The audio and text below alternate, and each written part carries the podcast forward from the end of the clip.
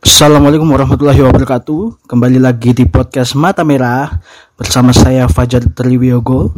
Uh, kali ini saya tidak akan membahas topik-topik seperti biasanya uh, karena setelah ini adalah sebuah record dari sesi safety share yang dilakukan oleh peserta FGWLP PT Indosi angkatan ketiga. Selamat mendengarkan.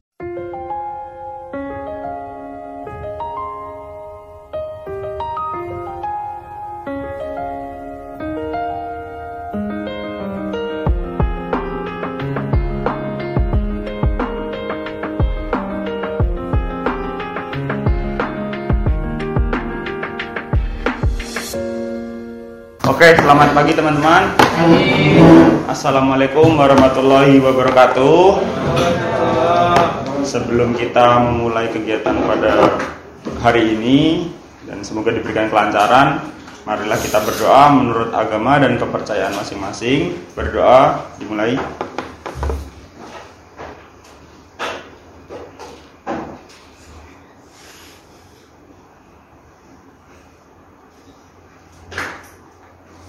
Berdoa dicukupkan. Oke, eh, pagi hari ini perkenankan saya untuk membahas salah satu topik yang mungkin belum familiar atau tidak kita temukan di kehidupan kita sehari-hari, tapi eh, mungkin menambah wawasan teman-teman sekalian. Eh, untuk temanya yaitu adalah eh, bekerja di paparan tinggi resiko radiasi. Jadi sebelum kita menuju ke apa yang akan kita bahas realnya nanti contohnya apa e, mungkin kita bedah dulu. Mungkin ada dari teman-teman yang sudah punya wawasan tentang radiasi atau radioaktif. E, yang pertama kita ingin tahu dulu mungkin jenis-jenisnya dulu. Jenis-jenis radiasi. Ada yang tahu? Ada yang tahu jenis jenis radiasi? Kevin? Ada tiga Ya, gamma. Alfa, beta. Beta ada dua ya, beta positif, positron sama beta negatif. Kemudian dari ketiga itu kita bedah lagi yang paling berbahaya kira-kira yang mana? Gamma. Gamma. Karena apa alasannya? Gimana? Daya tembusnya Daya tembusnya lebih lebih tinggi, penetrasinya lebih tinggi. Tapi untuk kalau alfa lebih ini bang daya rusaknya destruktifnya. Tapi tadi katanya lebih bahaya yang gamma. Nah itu gimana? Bisa dijelaskan mas, mas Fajar? karena kalau alfa tuh lebih kalau dia dalam apa, eh, ketebalan tertentu dia nggak ini nggak masuk gitu Betul. Terus? nah kalau gamma itu dia sampai berapa ya sil kan ada sil ya Iya. namanya sil itu sampai sil berapa itu dia masih tembus gitu Ya kurang lebih seperti itu. Mungkin lebih jelasnya ada yang mau menambahkan? Udah benar. Ada yang lebih eh, rincinya lagi? Ada yang tahu? Anak lingkungan pernah kerja di radiasi? Belum. Pak Jo? Belum. Mas Adit belum? Belum. Ahmad? Ibe? Belum juga. Jadi memang betul kata Mas Fajar kalau misalnya yang alfa ini lebih destruktif, tapi karena eh, jumlah ionnya itu ada empat, eh, bukan ion, muatannya itu ada empat, terus eh, neutronnya ada dua, jadi lebih berat. Artinya mas SMA satuan massa atomnya lebih gede, jadi sulit untuk menembus. Tadi ya penetrasinya lebih kecil. Cuman karena dia ionisasi, tingkat ionisasi derajat ionisasinya itu lebih gede, maka dia lebih mudah untuk mengubah atau karena energinya lebih gede, dia lebih mengubah suatu partikel gitu. Dan itu bisa saja nanti sampai ke merubah genetik apabila terkena gitu karena energinya cukup gitu. Dengan catatan energi yang cukup. Nah untuk kita menangkal radiasi tiga tadi itu pasti beda-beda ya. Karena ada tadi benar katakan Mas Fajar juga itu juga sudah ada penelitiannya dan itu sudah menjadi pengetahuan umum bahwa yang alfa itu tidak akan tembus triplek. Jadi alfa itu penetrasinya lebih kecil. Dan kalau misalnya beta berarti lebih tengah-tengahnya antara triplek dan beton. Kira-kira apa? Yang berat jenisnya atau density-nya lebih tebal daripada triplek tapi di bawahnya beton. Kalau agama beton udah nggak nembus. Atau dikasih timbal. Timbal itu juga nggak nembus ya. Nggak tahu besi mungkin atau papan kayu yang didobel dua? Bisa ya? Jadi kayak penghalang kalau misalnya kita kerja uh, kerja di ada yang pintunya pintunya itu dilapis dua nggak hanya satu lapis jadi ada dua pelapis dan kemungkinan di situ sudah nggak bocor lagi radiasinya. Oke kenapa saya ingin ini seperti itu? Karena ternyata di setiap senyawa kimia itu berbeda-beda ya betul nggak? Setiap senyawa kimia yang memiliki sifat radioaktif itu pasti memiliki pancaran dengan energi dan e, partikelnya yang berbeda-beda. Ada yang tadi alfa, ada yang beta, ada yang gamma. Tergantung dia nanti e, lepas kemudian menjadi unsur apa, benar nggak? Itu ya. Dari Pb misal jadi uranium, dari uranium jadi thorium dan lain sebagainya. Tinggal nanti lepasannya apa, tinggal dikurangi berapa gitu.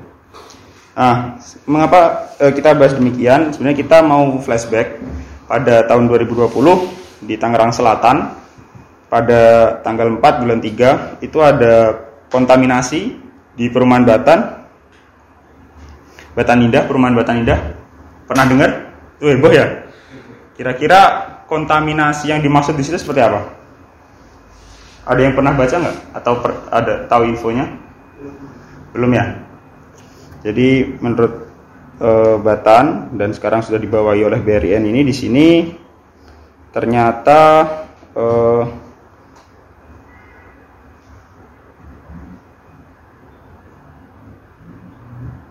ternyata ada kontaminasi di salah satu perumahan itu dan kemudian ada kegiatan clean up. Nah sebenarnya kita mau mau apa eh, tinjau dari sisi keselamatannya. Nah dari clean up itu dekontaminasi tadi kemungkinan besar eh, apabila kita memperlakukan e, senyawa itu seperti senyawa kimia pada umumnya yang tidak punya sifat radioaktif. Kira-kira bahaya apa yang terjadi? Ada yang tahu?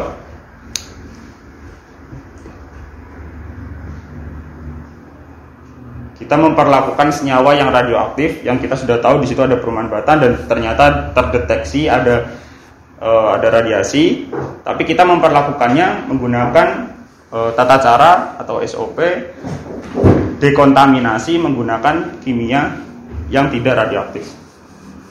Kira-kira apa bahayanya? Potensi bahayanya apa? Sebelum kita ke resiko. Radiasinya. Radiasinya bisa tembus ke kulit ya kalau kita nggak pakai. Ya, itu bisa. Kemudian apa lagi? Potensi bahayanya ke vegetasi, enviro, bisa ya? Bisa. Kemudian di or, organisme di bawah tanah pasti ya bisa aja terkontaminasi. Nah, dengan demikian langkah kontaminasinya, dekontaminasinya menggunakan apa kira-kira? Apakah hanya diambil barang yang kontaminasi kemudian dibuang atau seperti apa kira-kira? Kalau sudah kena radiasi di situ, Kira-kira bagaimana? Ada yang kepikiran? Diisolasi. Diisolasi pertama, oke. Okay. Kemudian isolasi pakai garis bisa ya? Ya, sampai sejauh mana radius radiasinya kita isolasi. Karena konsentrasinya nggak terlalu gede ya. Ya itu bisa. Terus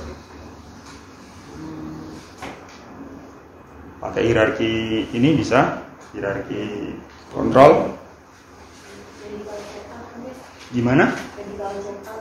Medical check up di yang betul orang-orang yang ada di situ atau yang mungkin setelah beraktivitas di situ ya kan di itu di perumahan Batan Indah. Kemudian ada lagi langkah pencegahannya itu itu bisa masuk ke screening ya salah satunya ya. Betul karena radiasi nanti bisa berantai apabila masih energinya masih cukup dengan catatan ya.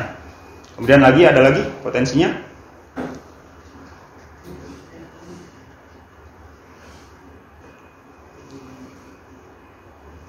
radiasi. Terhadap sekitar kemudian terhadap tadi apa satunya lupa lu? Terhadap Hah? Lingkungan ya? Lingkungan. Iya, lingkungan. Pakai garis betul. Ya itu tadi yang lingkungan itu penting sih. Jadi kalau misalnya di intinya begini kalau ada di situ radiasi satu titik gitu. Misalnya contoh ada eh, sound system ini. Bahan radiasinya segini. Cuman yang di garis lain tadi yang diisolasi luas sekali jangkauannya. Bisa sampai dua kali atau tiga kali atau bahkan empat kali radiusnya daripada eh, jumlah material ini. Tergantung nanti pada jumlahnya dan energi yang dikeluarkan. Itu nanti ada detektor ada gas eh, bukan gas detektor partikel detektor. Bisa gamma detektor alpha detektor beta detektor tapi jarang beta. Yang paling banyak alpha sama ini. Mungkin itu. Kemudian resikonya apabila ada orang clean up atau melakukan dekontaminasi atau petugas yang berwenang itu apa kira-kira? Dan mungkin langsung saja ke langkah pencegahannya apa? Jadi biar jadi satu aja. Yang tahu? Dengan tiga potensi bahaya tadi.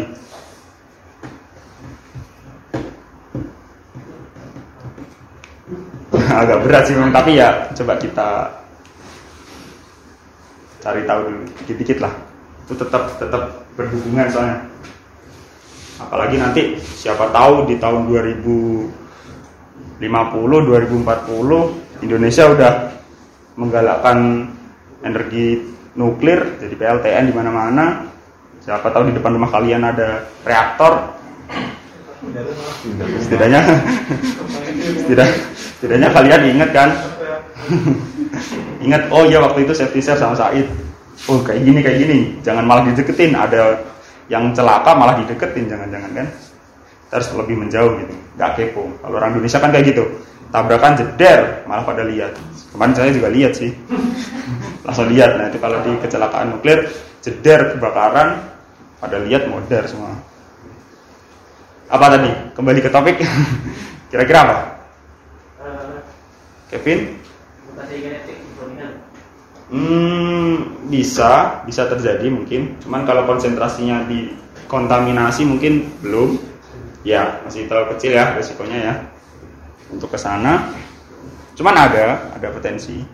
Tergantung kekebalan tubuh kita juga. Sama dosisnya. Kayak kalau di keselamatan ada dua likelihood, eh like- likelihood itu keseringan kepaparan, terus satunya apa? Iya. Seperti itu. Ada, ada, ada, ada. Mungkin dari APD-nya kan APD-nya khusus nih. Mungkin ada yang tahu APD-nya seperti apa.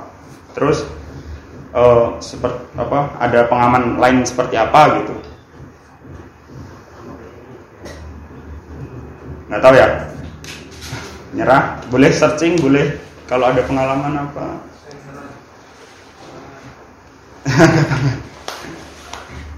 yang nggak ada. Ya, mungkin itu. Eh, kalau kerja di radiologi pernah lihat orang kerja di radiologi di rumah sakit yang pernah itu pengamannya pakai ini nggak dia? Pakai pelindung gonad, pelindung. Iya. Body full, terus bagian ini, terus bagian atas gitu ya. Nah itu juga penting, itu juga untuk menangkal radiasi walaupun tadi potensinya kecil, tapi kita tetap harus berjaga-jaga karena eh, kita harus karena itu kan bah- bahaya yang tidak bisa terdeteksi, hal yang te- tidak terlihat, makanya kita perlu menggunakan itu. Terus APD-nya harus full, full body dari atas sampai bawah, yang minimal tidak bisa ditembus sama partikel alfa ya. Kalau gamma tadi mungkin masih bisa tembus dan kita pasti setiap hari itu kena eh, supersonik gitu. Jadi eh, kosmogenik. Jadi karena ada aktivitas di antariksa, kita itu pasti kena radiasi. Cuman dosisnya kecil. Nah, tadi dosis kecil tadi itu tidak mampu atau tidak cukup kuat untuk mengubah genetik kita. Mungkin itu saja eh, yang bisa saya sampaikan pada pagi hari ini. Mungkin bisa menambah wawasan teman-teman atau mungkin jadi bekal nanti apabila memang di Indonesia akan ada eh, penggalakan penggantian energi yang lebih clean, lebih bersih ketimbang batu bara. Kemudian ada lagi nanti program pemerintah yang mengejar ketertinggalan berapa ribu megawatt, programnya pemerintah Jokowi untuk mengganti energi listrik menggunakan energi yang eh, bersih gitu. Itu sudah di mulai dibahas dan sudah mulai dilakukan visibility-nya. Siap-siap saja dan Mungkin di sekitar kita juga sudah ada reaktor, di Serpong itu ada reaktor tapi skalanya masih kecil. Eh, skala penelitian, ini kalau PLTN sampai seribuan satu unitnya. Kalau ada 4 unit berarti 4000 megawatt dan luar biasa itu nanti eh, daya kerusakannya. Mungkin itu dulu ya teman-teman. Sekian dari saya. Apabila ada salah kata atau salah perbuatan, salah ucapan, salah mengutip, mohon dimaafkan dan dimaklumi karena kita sama-sama belajar. Wabillahi taufik wal hidayah wal ridho wal inayah. Wassalamualaikum warahmatullahi wabarakatuh. Terima kasih.